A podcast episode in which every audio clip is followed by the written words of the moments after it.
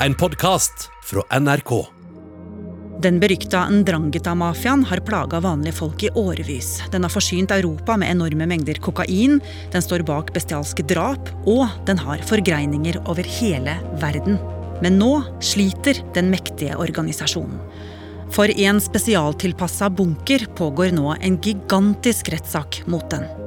While the largest mafia trial in over three decades is starting in Italy. Italy's number one mafia hunter is leading the fight against the notorious Calabrian network, the Ndrangheta. Hvordan ble egentlig Ndrangheta-mafiaen så mektig? Og kan denne rettssaken, som får oppmerksomhet over hele verden, sette en stopper for Italias rikeste og farligste mafia?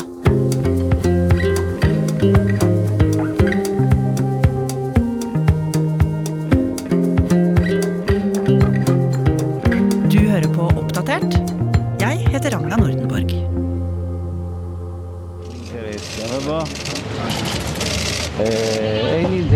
Nyhetsmedier fra hele verden følger spent med på rettsdramaet som utspiller seg i byen Lamezia Terme i Calabria-regionen i Italia. I en svær bunker voktet av politi og militære væpnet til tenna foregår nemlig den største mafiasaken på flere tiår i Italia. Simen Ekern, europakorrespondent for NRK. Du har fulgt mafiaen i Italia tett, og dekker denne spektakulære saken fra Roma. Nå har vi kommet et par uker ut i saken, men den har jo bare så vidt begynt. Ja, Det er ikke noe tvil om at aktoratet og dommerne har en stor jobb foran seg. 350 personer er tiltalt, 900 vitner er kalt inn, og i bevismaterialet ligger 24 000 timer med lydopptak. Og dette er spesielt, eh, for det er jo ikke bare mafiamedlemmer blant de tiltalte. Det er forretningsfolk, det er eh, offentlig ansatte, det er eh, politikere, det er folk fra den legitime delen av samfunnet som står tiltalt for korrupsjon og hvitvasking av penger, utpressing, bedrageri, og noen av dem er også tiltalt for drap. He had all the judges and politicians in his pocket. He refused to share them. Men Simen, dette er jo litt som tatt ut fra en film. Ja, og det er jo mange som er vant til å tenke på mafia som en film, som Gudfaren eller eh, Sopranos. Michael, you lousy bastard. You killed my husband. You waited until Papa died so nobody could stop you, and then you killed him. Is it true? Don't ask me about my business. No. Men eh, disse menneskene som nå står tiltalt, er jo eh, høyst virkelige, eh, selvfølgelig. De er en del av en helt eh, konkret bestemt familie, Mancoso-familien, som er en av klanene i denne Ndrangheta-mafiaen. Og kanskje også den rikeste og mektigste av dem. Ndranghetaen er jo eh, en mafiaorganisasjon som ikke bare driver med kokainsmugling eller økonomisk kriminalitet, de driver også med vold. Det er en ekstremt brutal organisasjon som bruker trusselen om vold som en del av maktgrunnlaget sitt. Og det er ikke så veldig lenge siden eh, de skal ha tatt livet av en 41 år gammel forretningskvinne her i Italia som nektet å selge dem et landområde de var interessert i. Og fordi hun sto imot dem, så ble hun da drept på bestialsk mafiavis. Og hvordan da? Nei, De drepte henne og fòret liket til eh, griser, rett og slett, ifølge vitner i denne saken. Jeg kan jo skjønne at myndighetene har lyst til å stanse disse folka, men eh, Simen, kan ikke du fortelle litt om han som faktisk er ansvarlig for at denne saken endelig har kommet for retten, statsadvokat Gratteri? Ja, Nicola Gratteri har jo forsøkt å få has på Ndranghetaen i over 30 år, og nå følger hele verden med på om han klarer det. Og denne kampen mot mafiaen har jo kosta ham veldig mye. Statsadvokat Grateri har levd med full politibeskyttelse i alle de 30 årene han har jobbet med dette her. Han bor rett ved sjøen, men han kan aldri dra og bade. Han har ikke vært ute og spist på restaurant på det han kan huske. Han kan ikke gå på kino. Det er eh, for farlig. Og sist det var en så stor rettssak mot mafiaen i Italia, så gikk det jo ikke så bra med de to statsadvokatene som førte saken for retten. Nei, de gjorde ikke det. Paolo Borsellino og Giovanni Falcone ble drept av bomber etterpå, begge to. En av en bilbombe da han besøkte søsteren sin. en annen av en enorm eksplosjon som rev vekk motorveien han kjørte på utenfor Palermo. Så det at Grateri har et kobbel av bevæpna livvakter med seg hvor enn han går, det skjønner jeg jo veldig godt. Men Simen, hvem er det egentlig han har satt seg opp mot? Hva er historien til denne mektige Ndrangheta-mafiaen? Litt som med de andre mafiaorganisasjonene så er dette noe som går langt tilbake i tid. Tilbake til 1800-tallet antageligvis. Organisasjonen drev med plyndring og ran eh, osv. Mange vokste seg også rike på å kontrollere landområder, eh, drive med jordbruksproduksjon, eh, true folk til å gjøre som de ville i deler av Sør-Italia. Men, men, det er først på 1970-tallet egentlig at Ndrangheta-mafiaen ble kjent rundt omkring i, i verden, da de drev med kidnapping, eh, og særlig da de bortførte barnebarnet til en av verdens rikeste menn. He was the richest man in the world, but when billionaire John Paul Getty's 16 year old grandson was kidnapped, he refused to pay a dime in ransom. Only when the kidnappers cut off the boy's ear did his grandfather agree to pay. Og dette var businessmodellen deres, og det var også businessmodellen til en del andre organisasjoner i Italia på den tiden. Å rane rike folk og kidnappe rike folk og kreve enorme løsepengesummer eh, for det. Så handlet det også om eh, krig og kontroll over landområder med, med, andre gjenger. Men dette med kidnapping var en helt avgjørende del av inntektskilden, rett og slett. Men så skulle de legge om strategien sin, Simen. Ja, det gjorde de, og det er jo det som kjennetegner eh, alle mafiaorganisasjonene, egentlig. At de er ekstremt tilpasningsdyktige. Hvis det dukker opp en ny forretningsmulighet eller nye hindringer, så forholder de seg til det, og så tilpasser de seg, og så endrer de seg. Vision, dreams of passion. Det som skjedde på 80-tallet for Ndrangetan, var at de oppdaget kokain som en ny eh, forretningsmodell med enorme eh, fortjenester, eh, naturligvis. Og det var starten på hvordan Ndrangetan ble så søkkrik.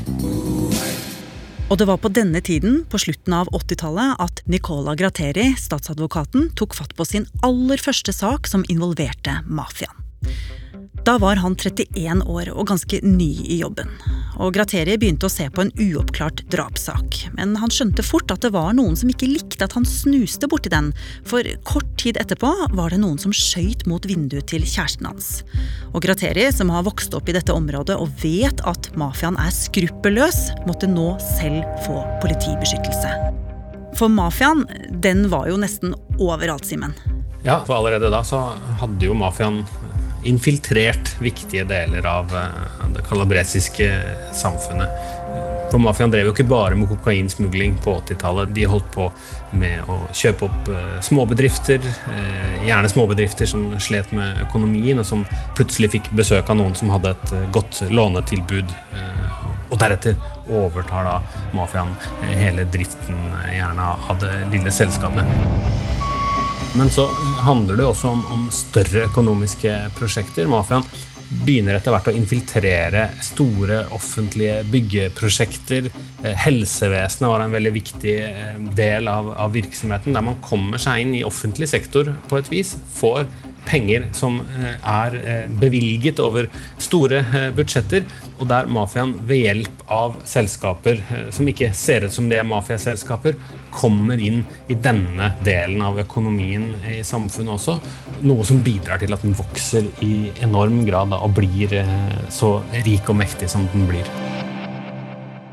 Og utover 2000-tallet så jobbet jo Gratteri og kollegaene hans hardt for å samle nok bevis for å få en slutt på dette, rett og slett. Og de fikk noen seire. De avdekket eh, storstilt narkotikasmugling flere ganger, og de arresterte også mafiamedlemmer og siktet dem for hvitvasking og dopsalg, for å nevne noe. Men det ble liksom aldri noen sånn veldig stor sak av all etterforskningen. De, de klarte liksom ikke å knekke mafiaen. Nei, Det var mange saker, men, men, det var jo ikke nok til å knekke mafiaen. som du sier. Det stemmer. Så Nrangitan ble mektigere, og den ble rikere.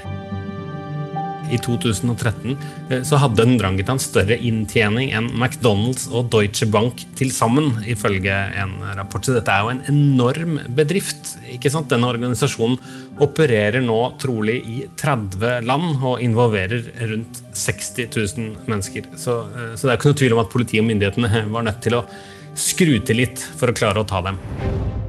Og i 2015 så begynte det å skje ting. Gratteri og kollegaene hans satte i gang en ny stor etterforskning, og de samla møysommelig inn bevis på bevis. Bl.a. gjennom en mengde telefonavlyttinger, samarbeid med FBI og politi i andre land. Og ikke bare det. De tok til og med i bruk geotermisk overvåking for å se hvor i jorda mafiaen bygget underjordiske bunkerser og gjemmesteder. another secret entrance under the stairs, and we're into a completely new house. Absolutely amazing. Men de sleit jo veldig med å få noen til å vitne. Noen som kunne fortelle hva som skjedde på innsida. Hvorfor det? Disse avhopperne, pentiti som de heter i Italia, har vært helt avgjørende for å forstå hvordan eh, forskjellige mafiaorganisasjoner i Italia virker, enten det er Cosa Nostra eller det er eh, Camorran eh, i Napoli. Men Drangheta-mafiaen har vært vanskeligere å trenge inn i på denne måten. Det har vært få avhoppere. Kanskje litt fordi eh, den er bygget opp sånn som den er bygget opp. Det er en organisasjon, en struktur, som er bygd på blodsbånd. Mm. Altså at de er i familie med hverandre på ekte? Ja, og det gir en helt annen grad av lojalitet. Da. Og det har jo vært både politiet og, og statsadvokatens store problem da, i, i, denne saken. Helt til Emanuele Mancuso dukket opp. Hvem er det? Han eh, er en eh, 33 år gammel eh, mann som da kommer fra denne mektige eh, mafiafamilien. Faren hans er en av de mest eh, kjente. Onkelen hans er en av de hovedtiltalte. Og Emanuela har gjort det man jo da ikke skal gjøre i eh, familien. Han har snakket med politiet. Eh, og så vidt man skjønner, så er det nå en prislapp på hodet hans. En dusør på ti millioner kroner eh, til dem som tar livet til Emanuele Mancoso. Og Simen, vet du noe om hvorfor han gikk over til den andre siden og rett og slett brøt med familien? I sånne tilfeller så vet vi jo aldri helt hva som er den egentlige grunnen. Men det Mancoso har fortalt, er at eh, da han ble far, eh, så erkjente han at han ikke ville at datteren skulle vokse opp på samme måte som han. At han ikke ville at hun skulle være en del av dette systemet, og at det var det som gjorde at han eh, bestemte seg for å, å fortelle det han visste til politiet. Over 300 personer er pågrepet i en omfattende aksjon mot den italienske Ndrangheta-mafiaen. Det opplyser italiensk politi. I tillegg til i Italia ble det pågrepet personer i Tyskland, Sveits og Bulgaria. A massive police operation swept up hundreds accused of being members of the mafia or affiliates. But politicians, lawyers, and public officials are amongst those standing trial. Emanuel Mancuso ble et hovedvitne for Gratteri og teamet hans. Og Simen, nå er altså rettssaken eh, etter denne massearrestasjonen i gang. I denne bunkersen hvor disse mafiatoppene, forretningsfolka og politikerne én etter én må forklare seg, enten på videolink eller i selve salen. Og hva er det egentlig vi har fått vite så langt? Foreløpig har vi ikke fått vite eh, så veldig mye. Saken har vel strengt tatt ikke egentlig kommet eh, ordentlig i gang, får man inntrykk av. Det pågår en debatt om hastigheten her også. Gratteri er redd for at eh, rettssalens program er for treigt, og at det kan spille inn på, på varetektsfengslingen til noen av de anklagede. Og noen tror også at det spekuleres i å trekke ut tiden nettopp pga. det. Ja, og denne rettssaken eh, skal vare i minst to år, så dette er jo bare begynnelsen, og mye kan jo skje underveis. Men hvis da statsadvokat Grateri klarer å overbevise retten om å dømme disse menneskene for mafiavirksomhet, hva kommer til å skje med Ndrangheta-mafiaen da? Ja, dette er jo, eh, som vi har snakka om, bare én mafiafamilie. Riktignok antakeligvis den rikeste og mektigste biten av Ndrangheta, men det vil jo være tror jeg altfor optimistisk å tenke at én sånn sak kan ta knekken på organisasjonen. Store saker har vi hatt uh, før, og, og, og, Cosa Nostra fins, og Camorran fins til tross for uh, massearrestasjoner og, og, og vellykkede rettssaker.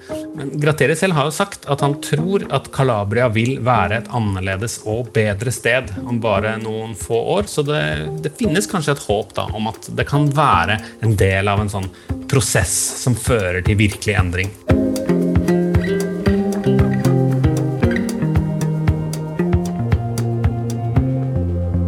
Har du lyst til å bli fast lytter av oss i Oppdatert og få påminnelse om nye episoder, så er det bare å abonnere på oss i NRK radioappen. Og så er det veldig hyggelig hvis du vil anbefale oss til en venn. Oppdatert er en podkast fra NRK Nyheter, og denne episoden er laget av Irina Kjelle, Andreas Berge og meg, Ragna Nordenborg. Eva Midthun Leira er redaksjonssjef. Vil du kontakte oss, gjør gjerne det på oppdatert alfakrøll.nrk.no. Du har hørt en podkast fra NRK. Hør flere podkaster og din favorittkanal i appen NRK Radio.